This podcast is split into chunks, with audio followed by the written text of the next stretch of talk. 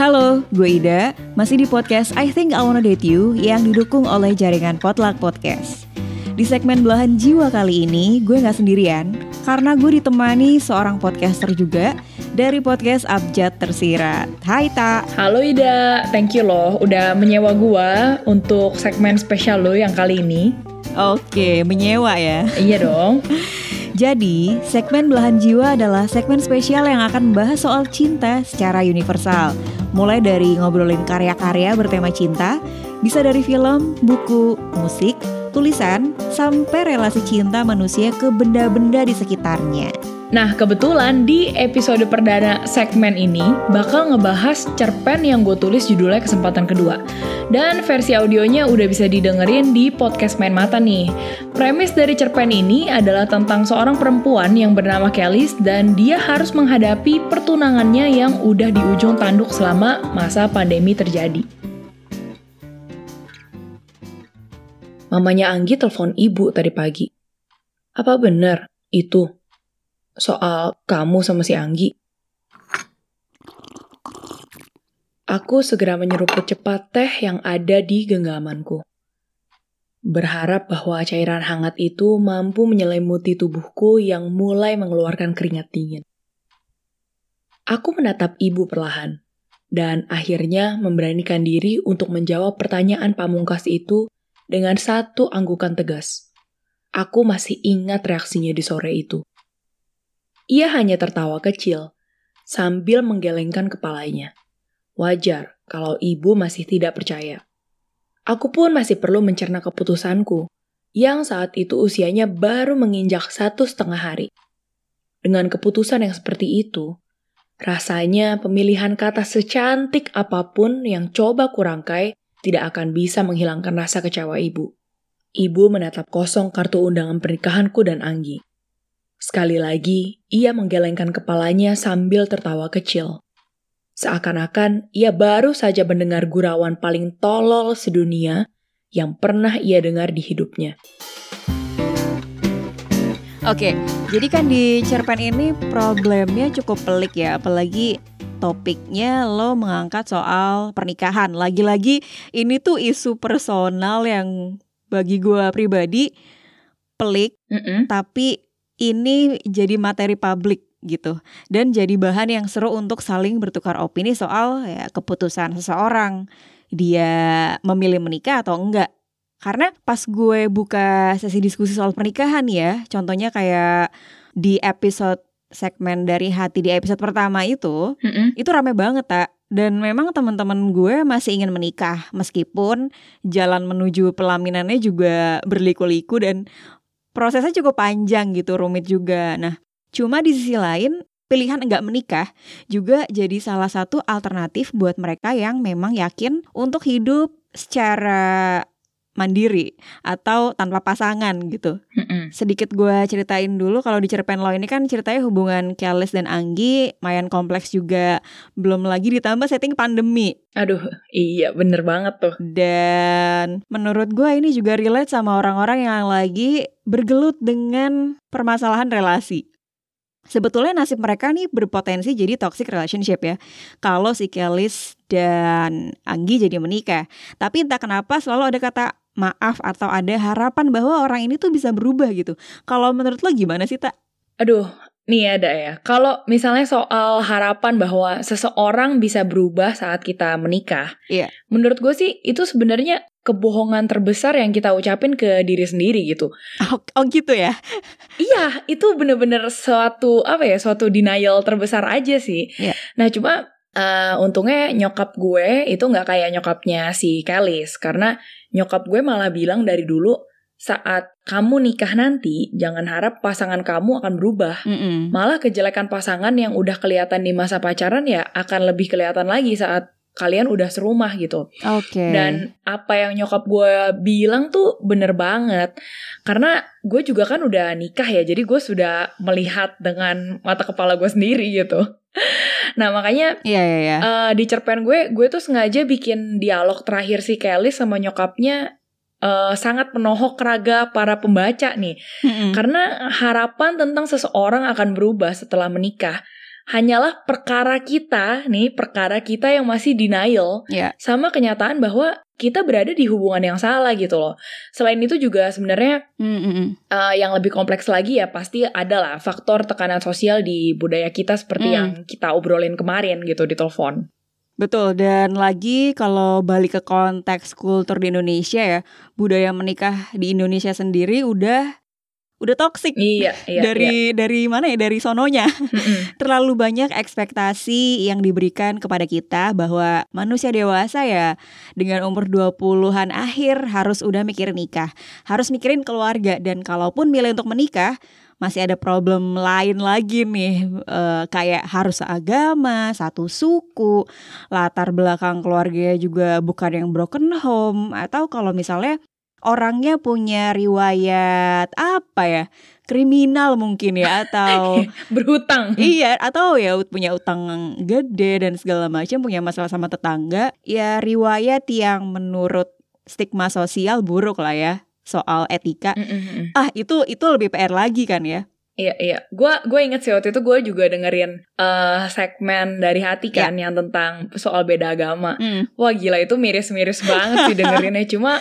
aduh gimana ya kayak talking about beda agama atau beda suku. Yes. Apa ya gue masih bisa berempati dan bisa mencoba untuk ngerti dari posisi orang tua gitu. Karena Mm-mm. sebagai orang tua pastilah mereka mau make sure kita tuh tahu atau enggak sih tentang bibit bebet bobot pasangan kita. Ya, betul. Yang itu ya gue masih bisa ngerti ya kan. Mm-mm. Tapi kalau soal pilihan mau menikah atau enggak, mau punya anak atau enggak, terus misalnya lu mau nikah di umur berapa gitu ya, itu kan sebenarnya urusan prioritas ya, Iya, dan betul. juga prinsip hidup yang kita pegang gitu.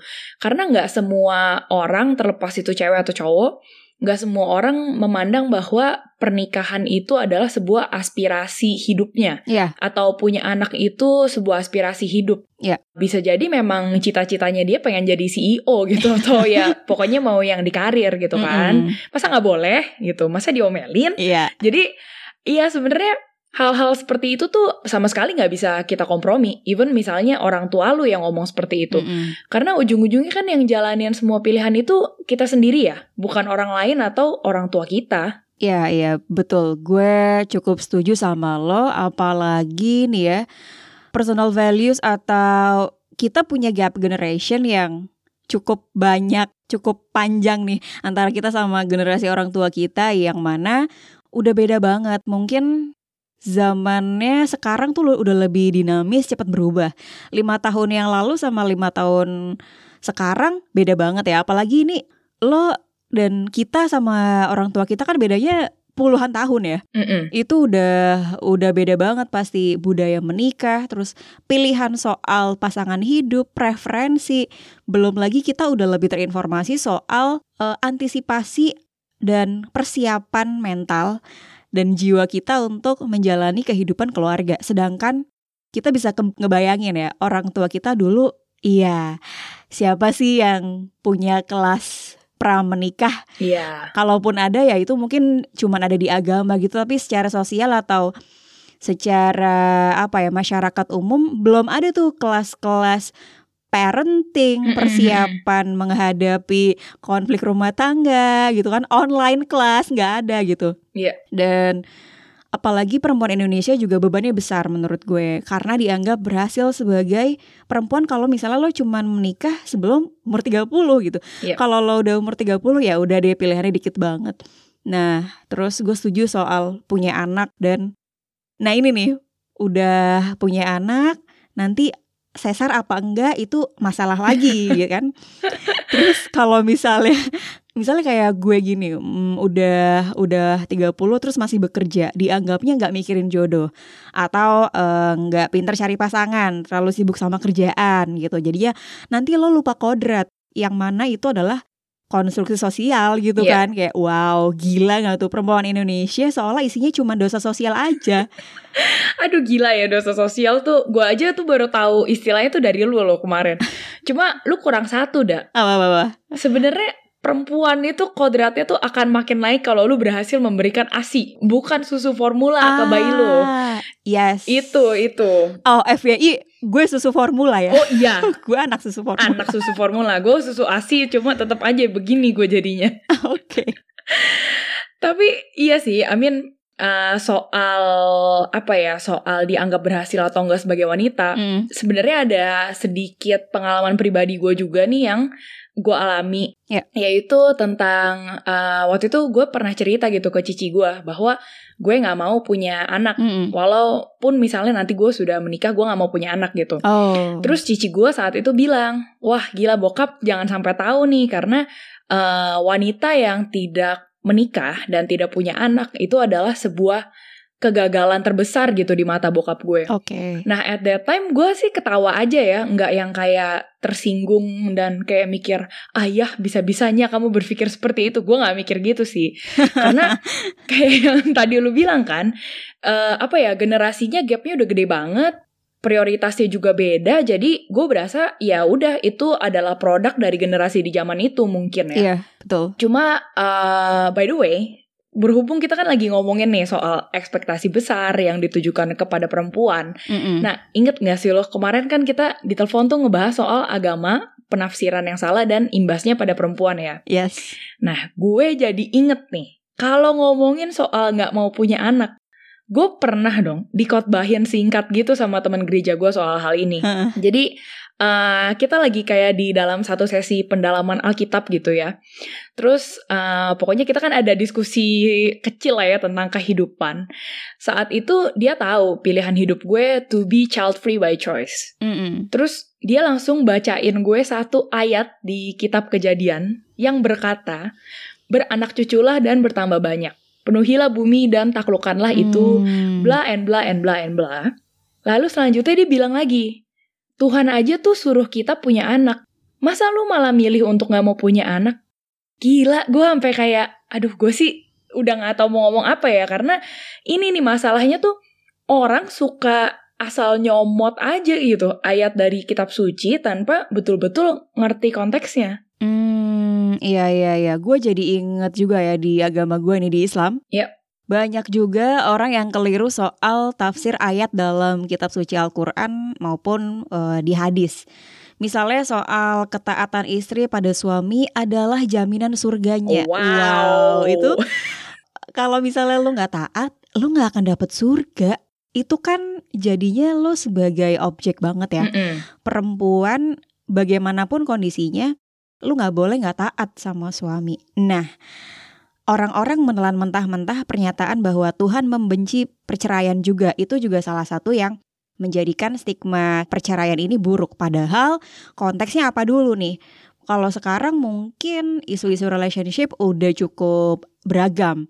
Ada yang namanya gaslighting, ada yang namanya kekerasan dalam rumah tangga, marital rape, Iya. Kekerasan seksual, verbal abuse, banyak banget kan ya. Mm-mm. Kan gak mungkin ya sebagai perempuan, masa iya Tuhan loh yang katanya orang maha baik, maha bijaksana, maha penyayang, masa iya membiarkan manusia ciptaannya tersiksa di dalam rumah tangga Iya, iya, gitu. iya. Yang disiksa sama manusia juga. Gitu loh maksud gue ada hal-hal yang sebetulnya kita harus punya pembacaan yang lebih dalam ya soal perempuan dan Islam khususnya kalau di agama gue gitu tak.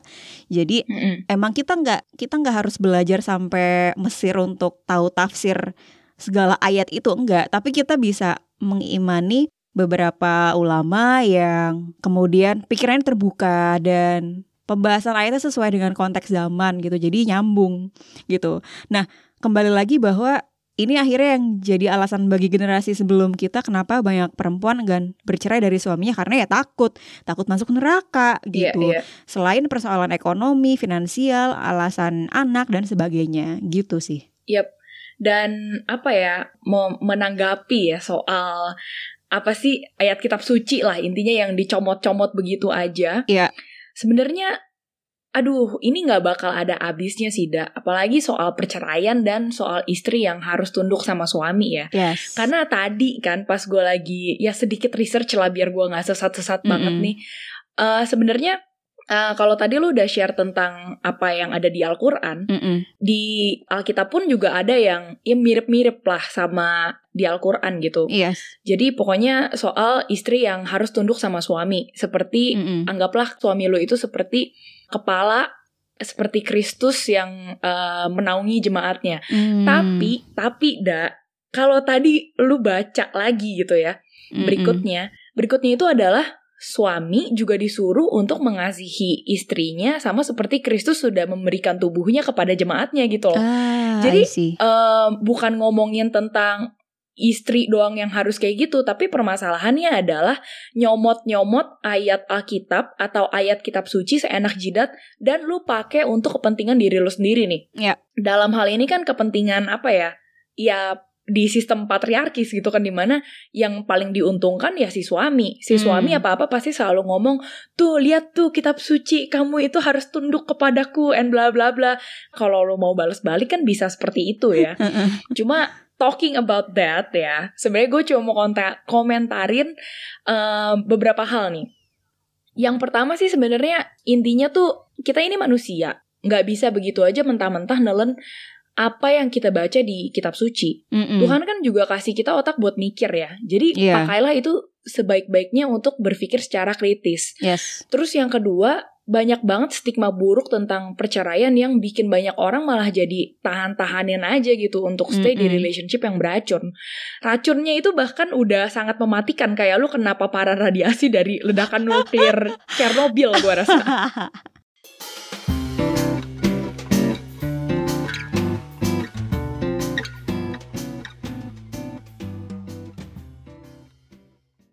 Terus setelah itu gimana? Ya, Anggi terus-terusan mengelak, Bu. Sampai akhirnya, dua hari lalu, dia kehabisan alasan. Dan cuma bisa memohon ke aku untuk dikasih kesempatan satu kali lagi. Tapi, apa betul-betul nggak bisa diomongin lagi sama Anggi? Bu, untuk apa sih Kelis hidup sama orang yang memperlakukan Kelis di rumah kayak babu? Dan Anggi juga udah nutupin gambling addiction-nya selama bertahun-tahun. Apalagi yang nantinya bakal dia tutupin dari aku. Apa aku harus berantem dulu, kayak beberapa bulan belakangan ini untuk bisa bikin dia jujur sama aku? Tapi Kel, ini tinggal satu bulan lagi loh. Nafasku mulai tidak beraturan. Namun, saat itu aku berusaha sekuat tenaga untuk mengendalikan amarahku. Justru karena itu dong, Bu. Sebulan lagi kita udah mau nikah, dan Anggi masih bisa-bisanya nutupin hal sepenting ini dari aku. Apa gunanya aku maksain nikah sama orang yang gak bisa aku percaya? Lagi pula, kalau sekarang aja dia udah berani bohong dan ngebudakin aku kayak gini, gimana nanti pas kita nikah, Bu?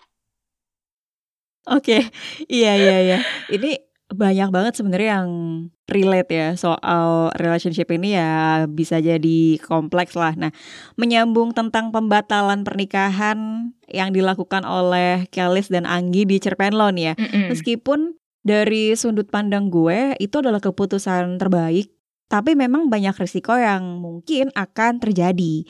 Misalnya dalam keluarga gitu ya. Iya. Mereka harus rela diomongin saudara atau relasi kerjanya dan orang lain, belum lagi rasa malunya karena kemungkinan eh, society akan menganggap wah keluarga dan orang tuanya ini nggak bisa mendidik anaknya dengan becus ya masa kurang dari sebulan ya Mm-mm. lu ngebatalin pernikahan gitu iya kan Iya banget sih, karena akan ada begitu banyak ekspektasi besar dari orang-orang sekitar yang lu hancurkan sebenarnya saat lu batal menikah. Iya. Misalnya kalau di cerpen gue kan si Kelis tuh decided untuk tetap batal nikah ya, padahal hari pernikahannya tuh udah tinggal sebulan lagi.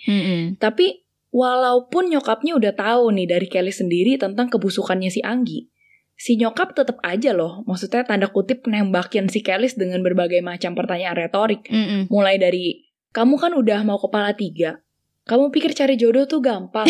Sampai ke komentar tentang, muka orang tuanya nih mau taruh di mana kalau Yes. sampai orang-orang tahu anak ceweknya batal nikah gitu. Nah, ya. Dan karena adanya tekanan sosial atau ekspektasi tertentu pada wanita, muncullah kalimat, Heeh. pastilah dia akan berubah saat Hmm, kamu atau apa kalian tuh menikah nanti gitu.